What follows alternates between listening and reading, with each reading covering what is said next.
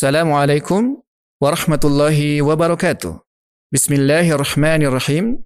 الحمد لله والصلاة والسلام على رسول الله وعلى آله وأصحابه ومن تبعهم بإحسان إلى يوم الدين. أما بعد.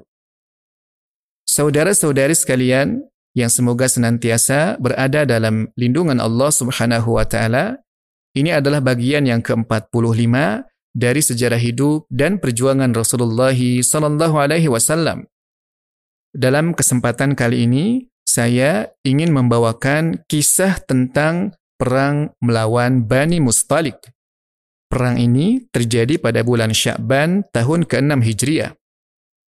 Perang Bani Mustalik dari segi militer bukanlah perang besar. Namun di balik perang ini terdapat pelajaran bagi kaum muslimin tentang sikap-sikap kaum munafik yang ingin melemahkan kekuatan kaum muslimin dari dalam. Sebagaimana yang terkandung dalam peristiwa dusta atau yang disebut dengan hadithul ifki yang terjadi di akhir perang ini. Perang ini terjadi pada bulan Sya'ban tahun ke-6 Hijriah. Berawal dari informasi yang sampai kepada Rasulullah SAW bahwa pemimpin Bani Mustalik Al-Harith bin Abi Dirar sedang mengumpulkan kekuatan untuk menyerang Rasulullah sallallahu alaihi wasallam. Setelah meyakini kebenaran berita tersebut dari informasi mata-mata yang dikirim oleh Rasulullah sallallahu alaihi wasallam, maka beliau pun segera menyiapkan pasukannya dan segera berangkat menuju perkampungan Bani Mustalik. Harith bin Dirar segera mengirimkan mata-matanya untuk mendapatkan informasi tentang tentara kaum muslimin. Namun mata-mata tersebut berhasil ditangkap oleh kaum muslimin dan kemudian dibunuh. Berita tersebut membuat pasukan musuh menjadi sangat ketakutan dan kekuatan mereka pun mulai berpecah belah. Maka ketika pasukan Rasulullah SAW datang menyerbu mereka sekaligus, tidak beberapa lama, semua pasukan musuh berhasil ditumpas. Sedangkan kaum wanita dan anak-anak ditawan oleh kaum muslimin. Dari pihak kaum muslimin tidak ada seorang pun yang terbunuh, kecuali seseorang yang terbunuh oleh kaum muslimin itu sendiri yang dikira sebagai pasukan musuh. Di antara kaum wanita yang ditawan adalah putri pemimpin kaum tersebut yang bernama Juwairiyah binti Al-Harith. Wanita tersebut kemudian dinikahi oleh Rasulullah sallallahu alaihi wasallam setelah dimerdekakan. Maka dengan sebab pernikahan tersebut, kaum muslimin memerdekakan budak-budak mereka dari Bani Mustalik yang masuk Islam. Karenanya, mereka disebut besan Rasulullah sallallahu alaihi wasallam. Ikhwas sekalian, A'azzani Allah wa iyyakum jami'an. Kaum munafik, mereka memiliki peran yang besar dalam mengacaukan kekuatan kaum muslimin. Setelah selesai peperangan ini, yakni peperangan melawan Bani Mustalik, kaum munafik membuat ulah yang sempat mengacaukan kekuatan kaum muslimin.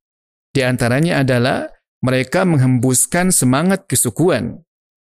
Ketika sempat terjadi bentrokan kecil, antara sahabat dari kalangan Ansar dan Muhajirin dan kemudian mereka masing-masing meminta bantuan kepada kelompoknya, Rasulullah Shallallahu Alaihi Wasallam segera melarang sikap tersebut yang beliau sebut sebagai seruan-seruan jahiliyah. Kaum munafik dengan dipelopori oleh Abdullah bin Ubay bin Salul sengaja membesar-besarkan masalah ini agar kaum muslimin asal Madinah, yaitu para Ansar, merasa emosi, dan melakukan pembalasan terhadap kaum muhajirin jika mereka telah tiba di Madinah. Hal tersebut Allah jelaskan di dalam surat Al-Munafikun. Umar bin Khattab radhiyallahu anhu yang mengetahui berita tersebut meminta kepada Abbad bin Yasir untuk membunuhnya. Namun Rasulullah sallallahu alaihi wasallam melarangnya karena beliau khawatir akan menimbulkan fitnah atau tuduhan bahwa Rasulullah Shallallahu Alaihi Wasallam membunuh rekan-rekannya sendiri.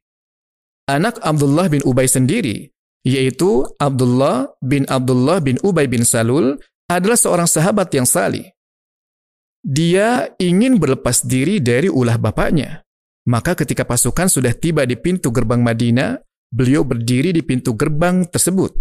Dan ketika bapaknya hendak melewatinya, dia mencegahnya masuk sebelum Rasulullah Shallallahu Alaihi Wasallam mengizinkannya.